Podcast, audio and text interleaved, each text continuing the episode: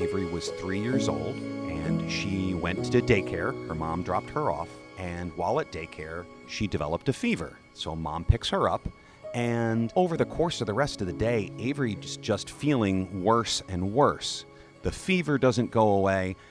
So she takes Avery to the emergency department and they can't really figure it out. Um, they say, well, we'll just keep her here. Let's keep an eye on it. 16 hours in that Avery's been at the ER, a new doctor comes on and looks at the history, the assessment, really looks at the whole picture of what's been going on with Avery and says to her mom, I think Avery has sepsis. So the doctor immediately started up more fluids, gave her antibiotics to start fighting the infection itself. Six days, Avery was in the hospital getting fluid therapy and antibiotics, uh, and she was finally released, a healthy young three year old. That initial emergency department physician told Avery's mother if you had waited even 12 more hours, Avery probably would not have lived the night. Hvert år dør estimeret 2.000 danskere af det, selvom hele 12.000 patienter på hospitalerne ender med at få det. 50 procent af dem, der bliver rigtig syge af det, dør. Det er altså ret farligt at få det. Samlet set er det den hyppigste dødsårsag på intensivafdelingerne i Danmark, og på europæisk plan er det den tredje største årsag til dødsfald i det hele taget. Sepsis. Den farligste sygdom i Danmark. Og en af grundene til, at så mange dør, er, at det er svært at gennemskue og stille den endelige diagnose, og at det derfor ikke bliver fanget i tide. Det er der, vi i ambulancetjenesten kommer ind i billedet. For selvom der stadig er meget, vi ikke ved, så er det ikke så kompliceret for os. Og vores indsats kan redde sepsispatienten og spare hospitalerne for en krævende indlæggelse. Jeg hedder Ulrik Jørgensen. Jeg er paramediciner i en helt almindelig dansk ambulance i Region Sjælland. Velkommen til IMS Podcast.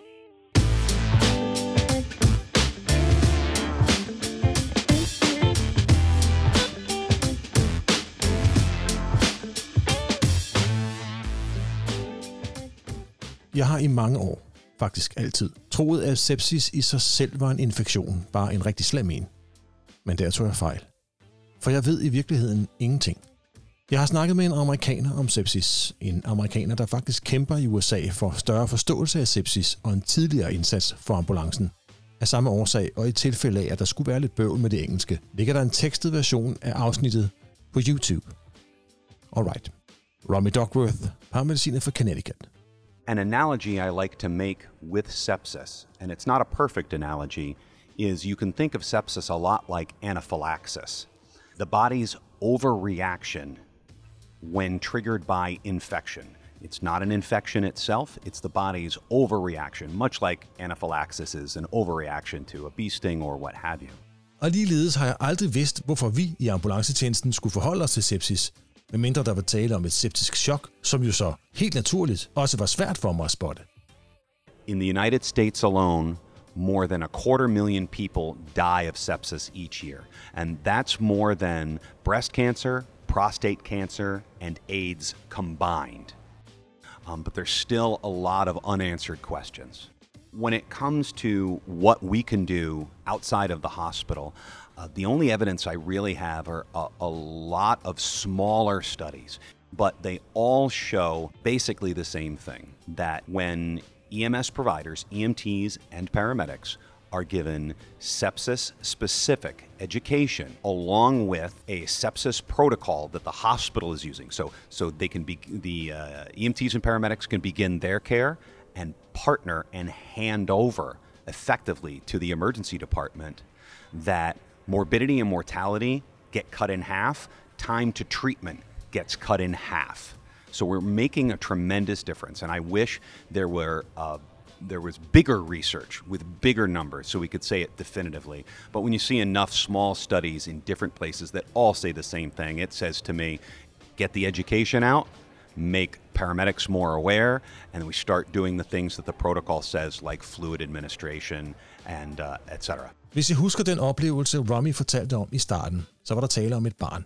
Og en af grundene til, at han valgte at fortælle om netop et barn, var, udover at det gjorde et stort indtryk på ham, at sepsis har en særlig betydning for børn. When it comes to children, it's even worse. Startlingly, globally, when you look at the whole planet, sepsis is the leading cause of morbidity, mortality, and healthcare usage for children of all causes, trauma, everything. Now, a lot of that comes from third world countries, countries that don't have all of the, the medical resources that they would like, but it really is a tremendous problem when it comes to children.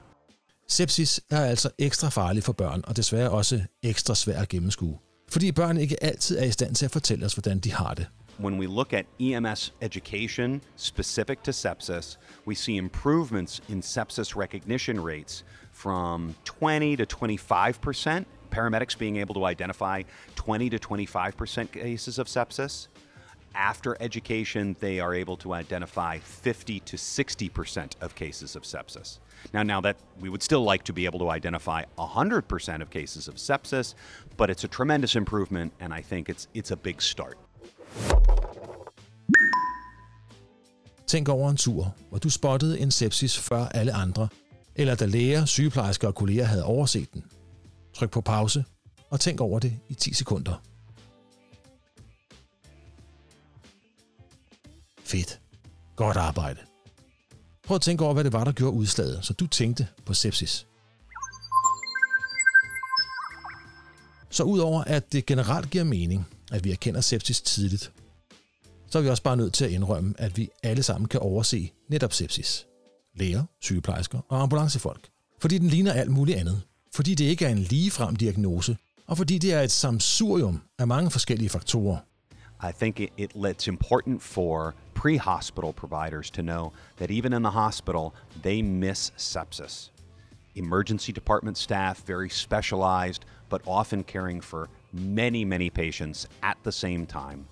Juggling many different care priorities in the emergency department makes it very difficult for anyone to put together a really good, clear patient picture.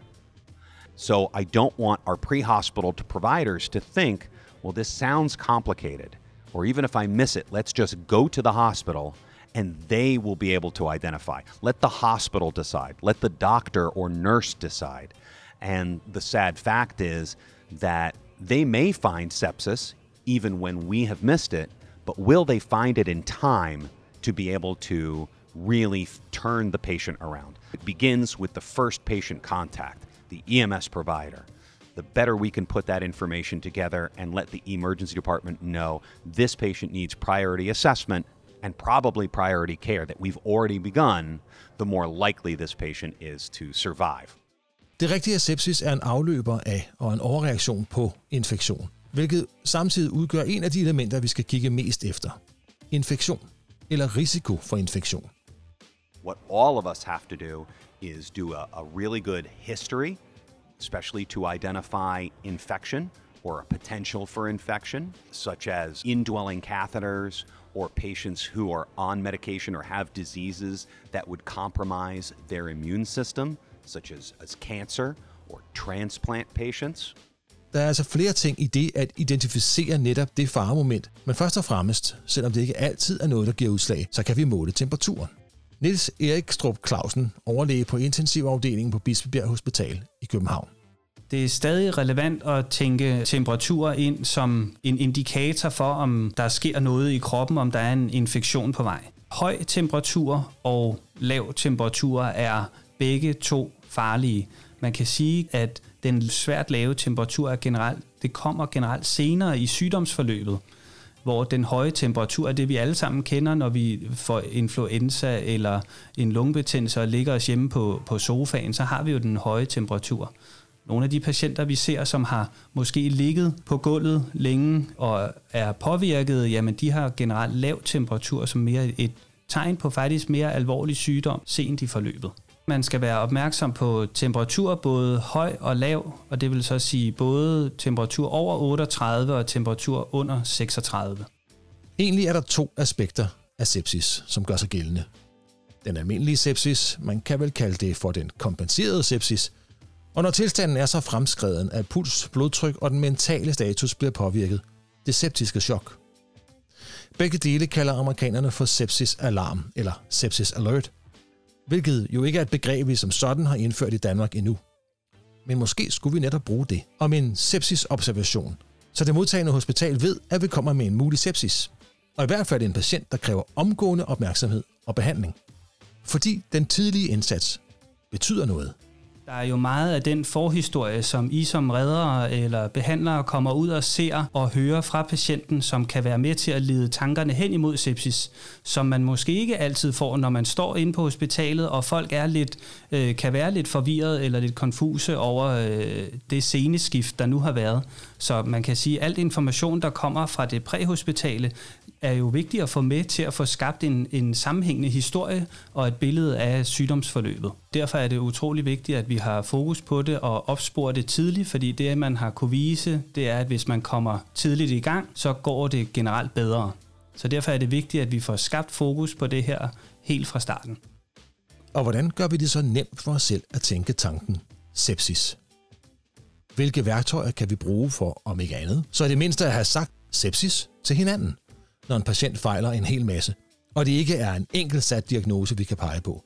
Først og fremmest. What clinicians of all stripes, doctor, nurse, paramedic, EMT, what all of us have to do is do a, a really good history. Den gode historie. Den stærke fortælling. It really begins with that rock star assessment and history um, the more information that you can gather, uh, and the more, even the more pertinent negative. So even if the answer is no, that's okay, that can still be very relevant to us and to the hospital. But it's not just a matter of gathering lots of information, it's asking those questions and then boiling that information down into a clear picture in your head so that when you hand over the patient, and when even in the emergency department, when they hand over the patient to the critical care team or other specialists, the more clear that patient picture is and that package of information is for you in your head, for them when you hand over, and, and down the line, it's really going to make a tremendous difference for that patient. Eller som Romy siger her, rockstjerne-anamnesen. Anamnesen, der giver os selvtillid og tro på egne evner. Alle de informationer, vi kan få fingrene i, sat i system, så vi kan danne et helt og klart billede, og i sidste ende give en præcis overlevering til hospitalet. Anamnesen er det allervigtigste element, når vi skal udelukke eller inkludere sepsis. Det er faktisk så vigtigt, at det er værd at bruge ekstra tid på, også selvom patienten måske ikke helt er på toppen. Og her tænker jeg på, når man skal vurdere, om man skal loade og go, eller man skal stay and play. Usually, it's better to stay and gather more information. So when you hand over the patient to the hospital, you can give them a clean, clear package of information, not just the patient. It will allow the hospital to properly prioritize the patient and say this patient needs immediate assessment, if not immediate care. Um, so I would lean towards stay and play, gather the information, don't just rush the patient to the hospital. Better to gather your information if you can. Again, if the patient is critical and, and they are failing, you're in a situation where the hospital will have resources that the ambulance does not. Certainly make your way efficiently to the hospital. But generally, gather what information you can because that's what everyone's going to need to identify and care for sepsis. Hvilke patienttyper, om nogen, kan særligt få sepsis? Tryk på pause og tænk over det i 10 sekunder.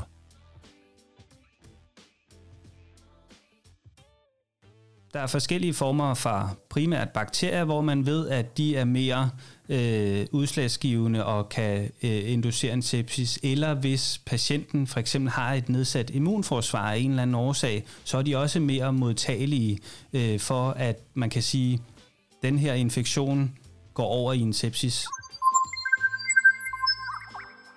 Igennem de sidste mange år er der flere, der har forsøgt, og stadig flere, der har prøver, at udvikle en screeningsmetode, hvorved det er muligt at afgøre en gang for alle, om der er tale om sepsis. Nemt og enkelt. SIRS-kriterierne. SIRS står for Systemic Inflammatory Response Syndrome, har været en stor spiller, mens Q-SOFA Quick Sepsis Related Organ Failure Assessment, er den, der vist nok senest har vundet frem. Men ingen af dem giver sikkerhed for sepsis. Ingen enkeltstående måling eller observation. What we can't do is we can't stop looking. We can't stop asking questions. The complication comes in with sepsis uh, and shock index in that we want to treat the individual patient, right? We want to treat the patient who's in front of us. And when we talk about shock index or any of these criteria for sepsis, um, like the SOFA index or Q SOFA, and I could I could easily rattle off a dozen that are used in different parts of the world. But almost all of them, what they really tell us, if they're used correctly, is this patient is a high risk patient. Doesn't say this patient has sepsis.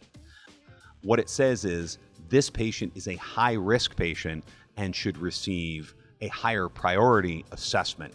These are high priority patients with a high chance of mortality that need us to move towards a diagnosis so that we can begin early, aggressive treatment. Not too much, not too little, just what this patient needs. Craft your care for the patient directly in front of you. This patient really needs your utmost attention. Intet og ingen kan stå alene. Hvor livsfilosofisk det end måtte lyde. Der er heller ikke nogen værdi eller blodprøve, der uden supplerende informationer kan lede os hen til sepsis. Chokindeks, pulsen divideret med systolen, kan bestemt ikke stå alene, selvom den, og det er egentlig det, de forskellige screeningsmetoder kan bruges til, kan tage os et skridt nærmere sepsis, eller væk fra sepsis. Fordi vi ikke kan lave den endelige diagnose sepsis, hvilket i virkeligheden gør vores arbejde nemmere, skal vi kigge efter informationer og værdier, der trækker i den ene eller den anden retning. Skridt væk fra sepsis eller skridt hen mod sepsis. Lidt om QSOFA, da den i min optik indeholder nogle enkle parametre, der nemt kan optages og vurderes. Ja, Q-SOFA det går på ændret mentalstatus, altså en GCS under 15. Øh, så er det respirationsfrekvens på over 22, og så er det systolisk blodtryk under 100. Og hvis du har to af disse, så stiger din risiko for at dø under indlæggelse eller øh, havne på intensiv. Det er det, man kalder mortalitet og morbiditet. Det er mere en risikostratificering. Altså at hvis du har en, du har mistanke om infektion, kører du dem igennem den her Q-sofa, og de scorer mere end to, så er der betydelig risiko for den her patient i, i forhold til deres øh, indlæggelse. Så nu optager vi en god og stærk anamnese, hvor i vi vurderer, om der er tale om en infektion eller en infektionsrisiko. Hvis der er en diagnostiseret infektion, lungebetændelse for eksempel, er det ingen sag. Men hvis ikke, så kig efter risikofaktorer. Nedsat immunforsvar, kateterpatienter, cancerpatienter i den boldgade. Er der enten en afgjort infektion eller en risiko for det, så tager vi et kig på patientens mentale status og vitale parametre. Indtil videre kan vi gøre det her uden at sætte DFI'en på, ved at se på patienten og røre ved patienten. Men hvad med blodtrykket? Det kan vel kun måles med en blodtryksmåler. Den eksakte værdi, jo, det er rigtigt. Den kan kun måles med for eksempel en DEFI. Men din vurdering af blodtrykket kan du lave ved at mærke patientens puls, hudtemperaturen og svedtendens. Det er under alle omstændigheder din vurdering, der gør forskellen. Doctors, researchers everywhere will argue about the exact vital signs, but typically sepsis will affect all vital signs. It really is up to us what are we most comfortable with.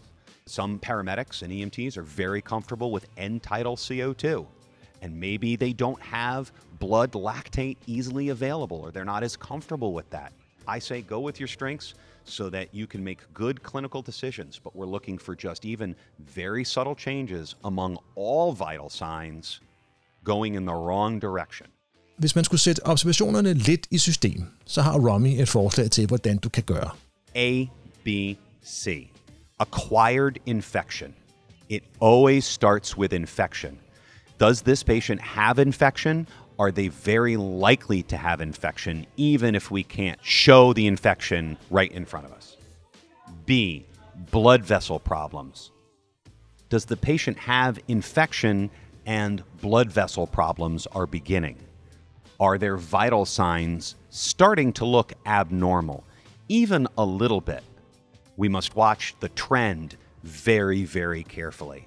Is their blood pressure going down a little bit or mean arterial pressure going down? Is their pulse going up even a little bit? Is their end tidal carbon dioxide going down even a little bit? Is their lactate going up even a little bit? Are their respirations, their temperature, are, is that going up a little bit? We need to look at them all together because just those little signs will tell us that the acquired infection is beginning to cause blood pressure problems or blood vessel problems. And what we want to avoid is the A and the B leading to C, circulatory collapse. That's septic shock. So when the acquired infection causes the body to react and begin blood vessel problems, and we are on the sharp lookout for subtle trends that say this patient is heading towards or beginning organ failure, we need to intervene. Og hvis det skal være helt enkelt og super nemt lidt at tvinge os selv til at tænke sepsis, når patienten forvirrer os, og symptomerne strider i alle retninger, Uh, infection or risk of infection plus vital sign changes equals sepsis. And sepsis plus a patient going into shock is septic shock. And that'll give us a rough idea.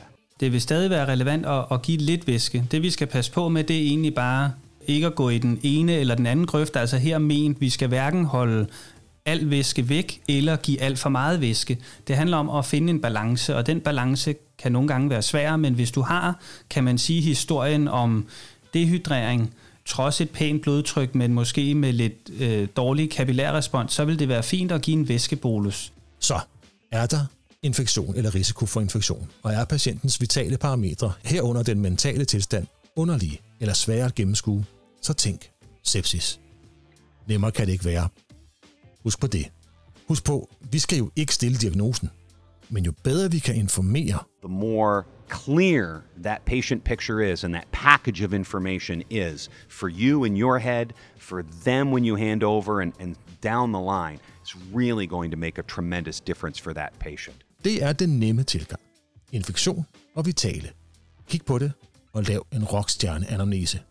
rockstar assessment and history and craft your care for the patient directly in front of you. Hospitalerne og patienterne vil elske os for det.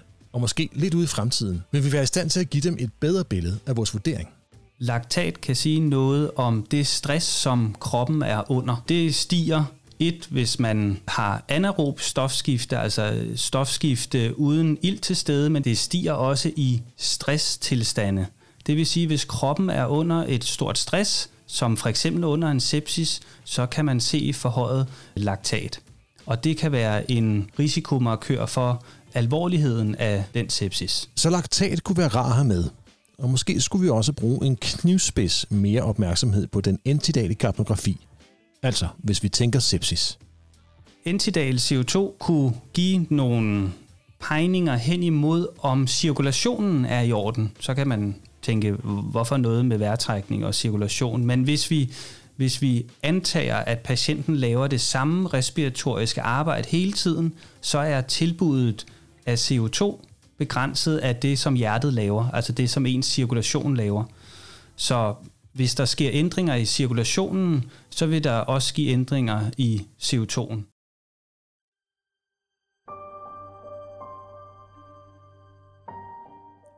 Næste gang.